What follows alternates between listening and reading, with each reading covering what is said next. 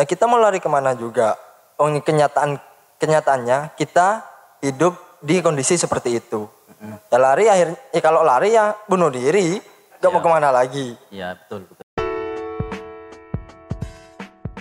Selamat datang kembali di Madura Yacht, program Jawab Pos Radar Madura bersama saya Berta Sofyan yang kali ini sebagai host. Saya berkesempatan mewawancarai secara eksklusif anak muda yang lagi populer di kalangannya, di, di geng-gengnya, di daerah perkopian lah. Karena setiap hari bahkan setiap waktu dia sering ngopi. Perkenalkan Mas Endra, ya Mas Endra ya. Nama lengkapnya boleh dikasih tahu siapa? Nah, perkenalkan nama saya Endra Bagus Dewanto. Kalau boleh tahu Mas Endra umur berapa sekarang? Sekarang umur 22. 22 ya, oke. 22 jalan ke 23. Oh jalan ke 20. Masih jalan ya, nggak bisa berlari ya? Enggak, mer- rangka, merangkak. merangka. Oke, umur 22 berarti sudah menginjak eh, masa-masa akhir kuliah mas ya? Ya, betul Kalau sekali. boleh tahu sudah semester berapa sekarang? Sekarang menginjak ke semester 8. Oh sudah skripsi berarti ya? Ya, Sudah- bisa dibilang begitu. Sudah sampai bab berapa? Apa bab belas? Enggak, normal. Da- Sudah bab bab akhir bab 5. Oh bab 5. Oh berarti enggak bab akhir itu bab 6 mas. Enggak di saya bab 5. Oh bab 5. Oke, oke lanjut. Mas Endra asli mana mas? Saya asli Madura kebetulan. Asli Madura juga. Bangkalan. Ya, Bangkalan. Kuliahnya di Bangkalan juga. Ya, kuliahnya di Bangkalan. Berarti eh, tinggal di rumah sendiri berarti mas ya sekarang ya? Nah, itu saya enggak tinggal di rumah sendiri, lebih tepat pindah-pindah ngekos saya.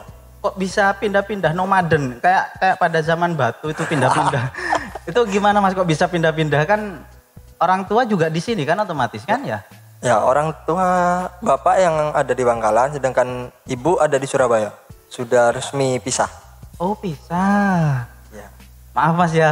ya enggak apa-apa santai. Tapi saya ulik sedikit enggak masalah mas ya? ya enggak apa-apa. Oke, eh, kalau boleh tahu pisahnya itu sudah berapa lama? Mungkin sekitar tiga tahun, kalau enggak empat tahun dari awal saya masuk kuliah. Dari awal masuk kuliah berarti oh empat tahunan sekitar ya, sekitar empat tahunan. Sudah lama juga mas ya? Ya lumayan lama. Nah, eh, karena sudah ya bisa dikatakan broken home Mas Endra ya Nah, sekarang iya. ya. Oke, Mas Endra broken home. Eh, karena Mas Endra broken home, Bapak ada di Bangkalan, Ibu ada di Surabaya. Iya. Eh, intensitas ketemu sama orang tua itu sama Bapak bagaimana? Kalau sama bapak bisa dibilang setiap hari. Ya karena kan bapak kerja di sini di Bangkalan. Yap. Ya setiap istirahat jam istirahat itu pasti ke kosan. Saya ngekos kan. Oh, ngekos. Ya, ya ngekos. siap. Nah setiap hari pasti ke kosan buat istirahat gitu istirahat makan siang. Ya jadi setiap hari pasti ketemu. Hmm, kalau sama Ibu bagaimana? Kalau ibu itu cuman ya ngasih kabar via WhatsApp seminggu sekali. Terus kalau saya ada waktu ya saya samperin ke Surabaya. Kadang juga ibu saya yang nyamperin saya ke, ke Bangkalan ini. Oh gitu. Itu kalau sama bapak udah setiap hari ya, jadi eh, rasa kangen mungkin sudah bisa teratasi. Kalau sama ibu intensitas ketemunya tiap atau tiap bulan apa tiap minggu atau bagaimana? Kalau cuman video eh, via video call kan kurang kurang puas gitu kayaknya mas. Ya lebih sering ya jarang sih jarang ketemu. Juga kan saya setiap hari ya kerja harus kerja buat menuhin kebutuhan saya sendiri setiap hari. Oke oke. ya karena apa dari bapak sendiri ya cuman ngasih ya 30.000 ribu setiap hari buat makan Oke. ya kan kita hidup ini bukan cuma makan doang Siap. pasti ada lain-lainnya Ada rokok gitu Nah, ya. rokok kopinya bensin Oh iya Mas Hendra kan tiap hari ngopi ya. Nah, Oke, iya oke. jadi kan kalau ngandalin dari bapak ya pasti nggak cukup makanya saya kerja nge-grab gitu setiap hari Hmm, kalau dari ibu sendiri apakah ada asupan uang tunai atau gimana? Kalau dari ibu itu jarang sih. Kalau ibu ada rezeki baru dikasih. Ya juga saya gak ngarep dari ibu saya. Soalnya ibu saya juga gak kerja. Oh gitu. Jadi adik saya yang kerja. Kalau boleh tahu eh, saudara berapa? Tiga bersaudara saya anak pertama Mantap. Itu dari bapak sama ibu. iya dari bapak sama ibu kandung gitu Oh. Terus adik-adiknya ada di mana sekarang? nah adik-adik saya ikut apa ada di Surabaya juga sama ibu saya jadi adik saya yang kedua itu kerja di Surabaya. Ya sama yang ketiga juga. Sebelumnya ibu saya ada di sini berapa Se- terakhir itu di- November November ada di sini. November, 2019 Oh November tahun lalu. ya so- pas adik saya lulus itu pindah. November itu pindah karena adik saya udah selesai sekolahnya. Siap. dia itu SMA sekolah SMA pas nyari kerja di Surabaya. Berarti eh, komunikasi sama kedua orang tua alhamdulillah lumayan lancar Mas Hendra ya. alhamdulillah lancar Baik-baik saja ya sama saudara juga baik-baik saja ya. ya ya untuk eh, kalau sekarang udah be- sebelumnya pasti ya pasti ada konflik lah ya saya sama ibu ibu saya yang kurang komunikasinya ya musuhan gitulah Oh gitu. tengkar Ya, biasalah di keluarga kan pasti ada konflik kecil-kecilan kayak gitu. Gini Mas Hendra, Mas Hendra kan broken home sudah agak lama ya. Iya. Itu bagaimana cara Mas Hendra menghadapi kenyataan hidup yang seperti itu? Karena kan kebanyakan orang yang broken home itu pasti melangkah ke arah yang negatif, seperti mabuk-mabukan, eh, ngedrak, narkoba dan lain segala macamnya itu. Mas Endra kok bisa survive itu bagaimana? Mungkin bisa diceritakan kepada teman-teman bagaimana tips and triknya agar bisa survive sebagai orang yang broken home itu bagaimana? Bisa diceritakan Mas Endra?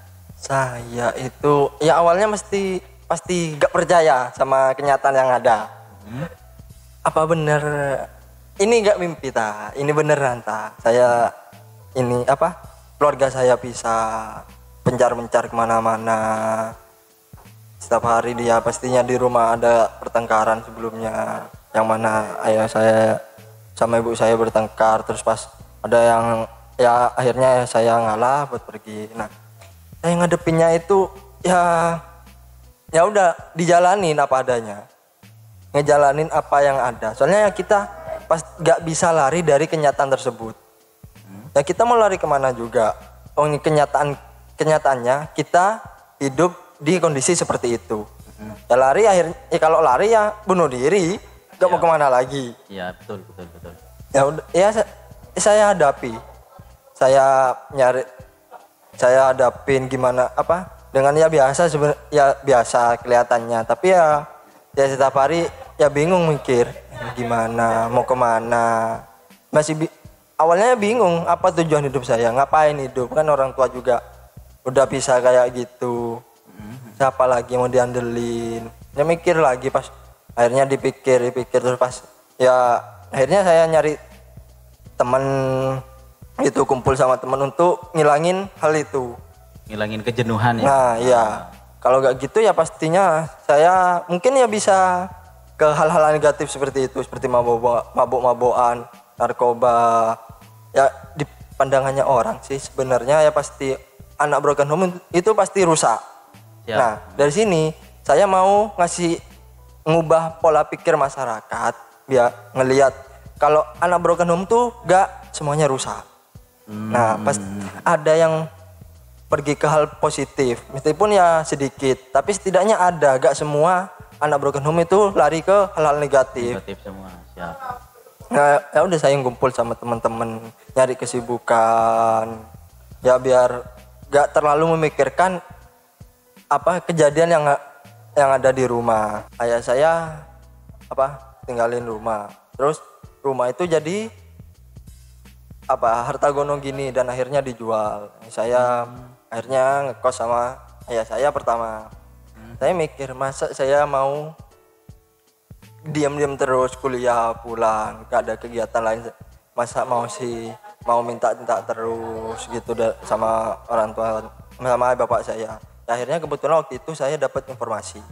Nah, informasi itu bilang kalau pendaftaran grab di Bangkalan dibuka ya udah saya coba coba daftar. Ya biar untuk ngisi kesib- kesibukan lah. Kan kalau ngegrab kita kerjanya freelance jadi saya bisa sambil ngopi sambil kerja gitu. Sambil kuliah juga Nah, sambil ya? kuliah juga. Kan nggak nggak terikat sama waktu. Jadi saya bisa ngidup, bisa kerja kapan aja. Ya ya maka dari itu saya harus apa meminit minit waktu. Ya mana waktunya kuliah waktunya kerja waktunya ngopi gitu. Ya biar sama-sama dapet lah biar gak biar saya juga ada pemasukan. Nggak hanya dari nggak hanya pemasukan dari ayah saya juga. Dalam benak Mas Endra jadi driver ojol itu mungkin awal-awalnya apakah ada rasa malu atau gimana? Awal untuk awal-awalnya loh ya. Bagaimana? untuk awal-awal sih enggak marah rasa biasa bangga lah oh saya saya bisa kerja sendiri saya bisa ngasih- nyari uang sendiri ya teman-teman juga ya biasa aja malah yang support dari eh, mereka bilang ya daripada gak ada kerjaan daripada cuma ngopi duduk ya, ya ada baiknya ya nyari kegiatan biar ada pemasukan Selama menjadi driver ojol mungkin pastilah dapat suka duka, pasti ada suka duka yang yang pernah didapatkan. Eh, Kira-kira apa aja itu? Mungkin ada yang menarik yang bisa diangkat. Ya mulai dari yang dukanya dulu lah. Dukanya ya saya pas- pernah dapat orderan fiktif. Ya pasti nggak asing lah di kalangan masyarakat Ya, order ya, fiktif, siap, order Pak. fiktif gitu. Ya kebetulan saya pas itu ba- baru tiga bulan, tiga bulan ngo- ngojol, pas dapat orderan ya pasti seneng ya. Saya pesan, pesan. Pertama di, dibales biasa, informasi se- alamat sesuai, Ya. pesanan sesuai ya sesuai udah pas mau nganterin saya menuju ke sana. Pasti kan ngechat ngechat. Oh gak, dibalas ya mungkin HP-nya ditaruh atau apa. Ya udah saya tetap nganterin. Pas pas nyampe saya ah, saya hubungin halo saya udah sampai. Itu gak ada balasan saya nunggu 10 menit. Terus kemudian saya nelpon. Loh, nggak nggak diangkat.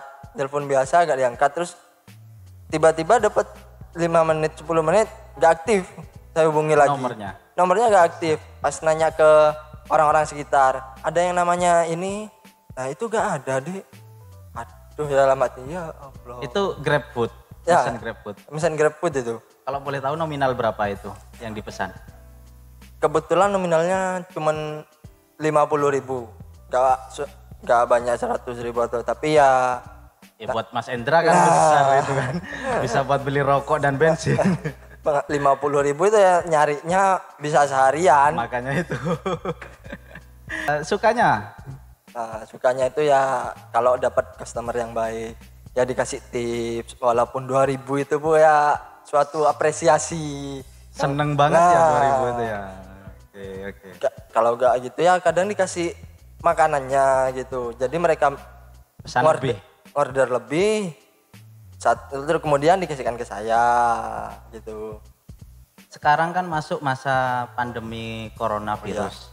Nah, itu kira-kira ada penurunan pemasukan atau bagaimana Mas Endra? Ya, Di so- Bangkalan sendiri. di Bangkalan sendiri. Untuk di Bangkalan ya ada ada penurunan. Mas- Tapi termasuk Mas Hendra juga ya? Nah, ya pasti kan saya saya juga ngojol juga. Siap, siap. Ada penurunan ya sekitar 30% lah dari biasanya. Yang biasanya kalau kita apa ngojol dari pagi sampai malam itu bisa 15 20. Pas ada pandemi ini Ya. bi- nurun jadi ya 10 paling ya paling banyak ya 15 dan itu pun susah dari pagi sampai pukul 12 malam kayak dari jam 8 sampai jam 12 malam itu baru bisa mendapatkan orderan segitu ya anggapannya kita kerja keras banget untuk saat ini Siap, siap. Di masa pandemi ini kan kita dituntut sama pemerintah dituntut untuk di rumah aja. Nah, Mas Hendra kenapa kok masih tetap ngojol gitu? ya gimana ini ya anggapannya sumber apa Rezeki. pemasukan saya ya Oke. untuk ngandalin dari orang tua ya gak gak bisa ya ngandelin orang tua saya gak ngojol ya bisa-bisa saya gak makan masa mau diam-diam di kos ntar adanya bukan mati karena corona tapi mati karena kelaparan, Kelaparan. diam di rumah terus gak ada pemasukan Nah, tidak takut dengan virus yang sudah apalagi kan sekarang Bangkalan sudah masuk zona merah. Mas Hendra nggak takut terkena virus itu? Ya kalau dibilang takut pasti semua orang takut ya. Saya juga ya takut. Tapi ya gimana? Kalau kita diam di rumah gak ada pemasukan, kita keluar ya takutnya. Jadi saya le- lebih milih keluar biar ada pemasukan dan pastinya untuk apa jaga kebersihan jaga kebersihan saya sendiri ya. Cuci tangan setelah dapat orderan setelah nganterin orderan. Sebelum mengantar orderan pasti pakai hand sanitizer gitu. Setelah eh, sebelum dan setelah ngantar orderan biar ya saya tetap steril. Terus juga pakai masker. Ya anggapannya saya jaga jaga jaga kesehatan saya sendiri ya ag- agar terhindar dari virus tersebut.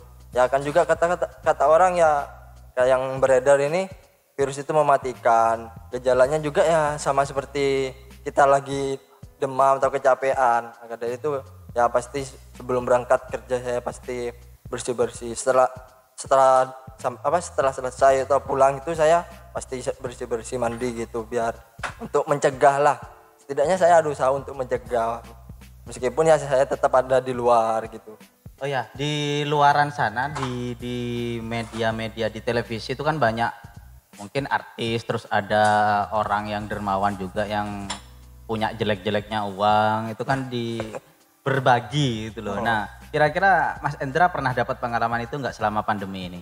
selama pandemi ini pernah pernah dapat dari Masyarakat. ya dari masyarakat Atau mungkin pemerintah?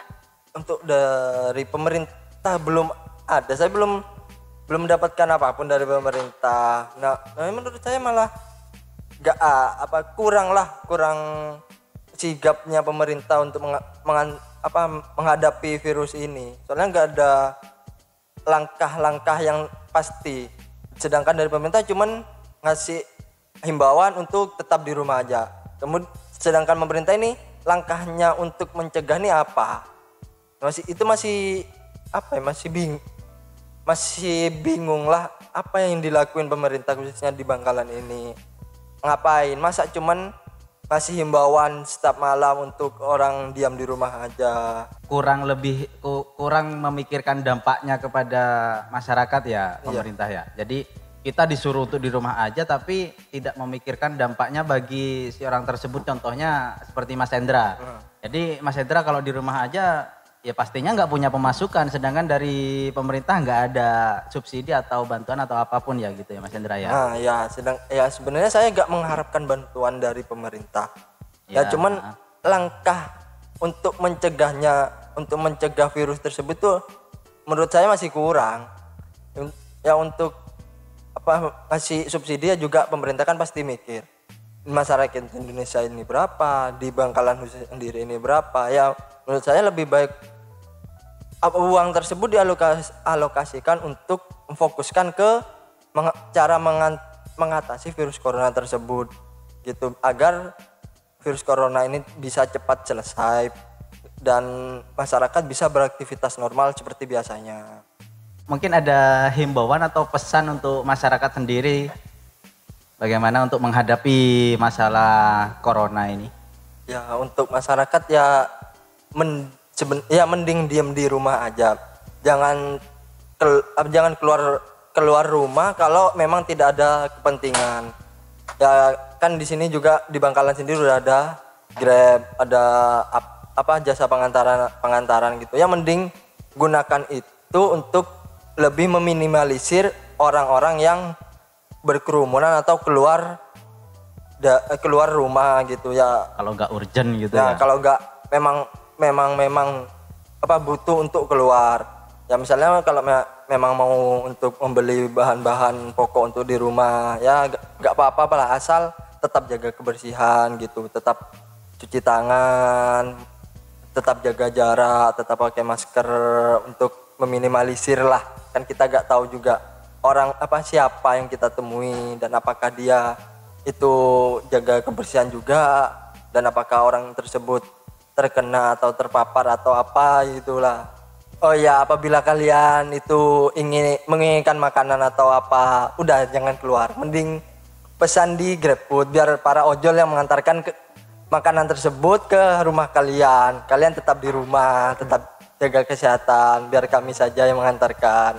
ya biar kami juga ada pemasukan Eh, mungkin ada pesan pesan untuk driver ojol sama tenaga medis mungkin bisa disampaikan. ya, ya pasti pertamanya untuk tenaga medis yang ada di garda terdepan untuk menyembuhkan para Pasien. pasien-pasien vi- yang terkena virus corona itu ya tetap semangat, tetap jaga kesehatan. Ya kalau tidak ada kalian juga siapa yang mau berjuang untuk menyembuhkan para pasien-pasien tersebut.